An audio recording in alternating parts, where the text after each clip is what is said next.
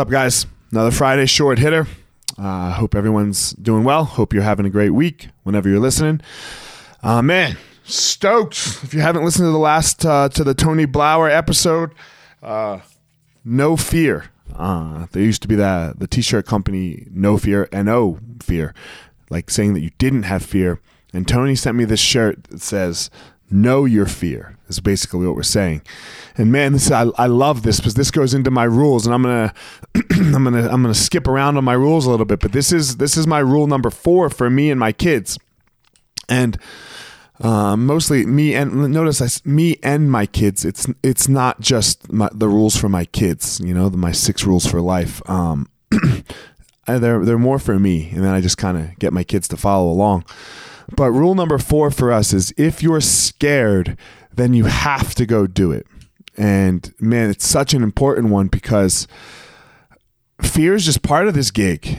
And when I say this gig, it's life is the gig. Like you're you're gonna be scared in your life. There's gonna be things that that are that make you really really afraid. And yeah, go do them you know and i know i get a lot of what i get a lot of when i say that is oh you know you're scared when you when you jump off uh when you when you're standing at the top of the empire state building like you're going to jump off that's you're not afraid that's death like that that that's the you're we are uh we have been created uh, or evolved, however you want to look at it, to survive. And uh, jumping off a building is not surviving. So please don't be stupid. Um, but yeah, fear.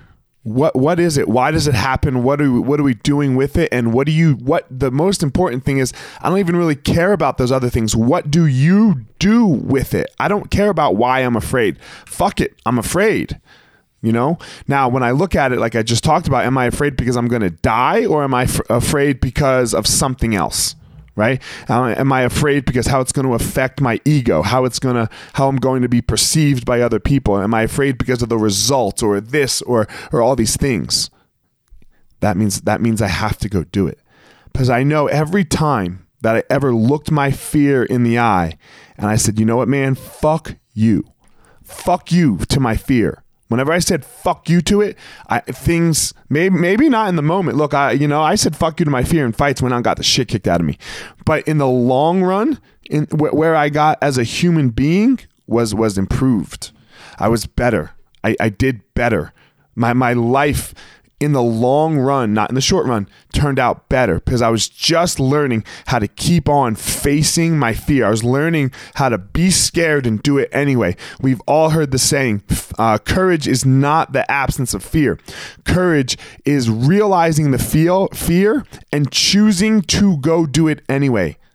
That's what we've got to do. We've got to embrace a little more of this.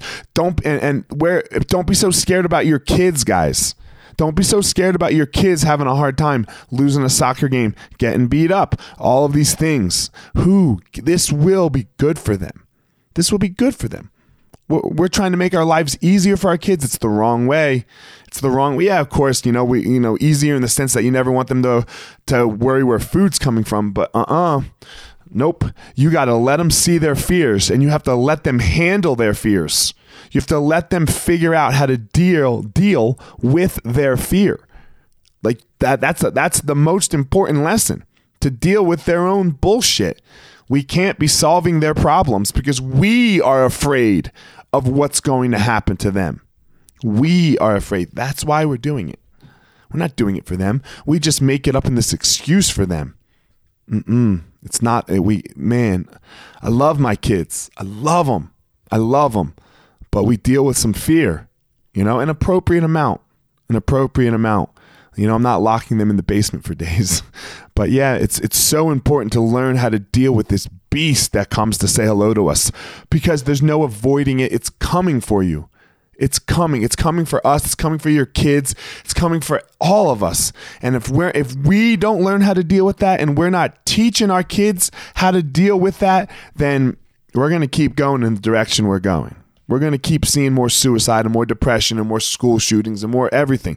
It's not video games, guys. It's not video games. Eh, you know, it used to be music, right? Remember when Marilyn Manson was taking all this shit? It's none of this. It's how we're dealing with our children. It's that that that's our problems and how uh, and how maybe we were dealt with possibly. So let's change it.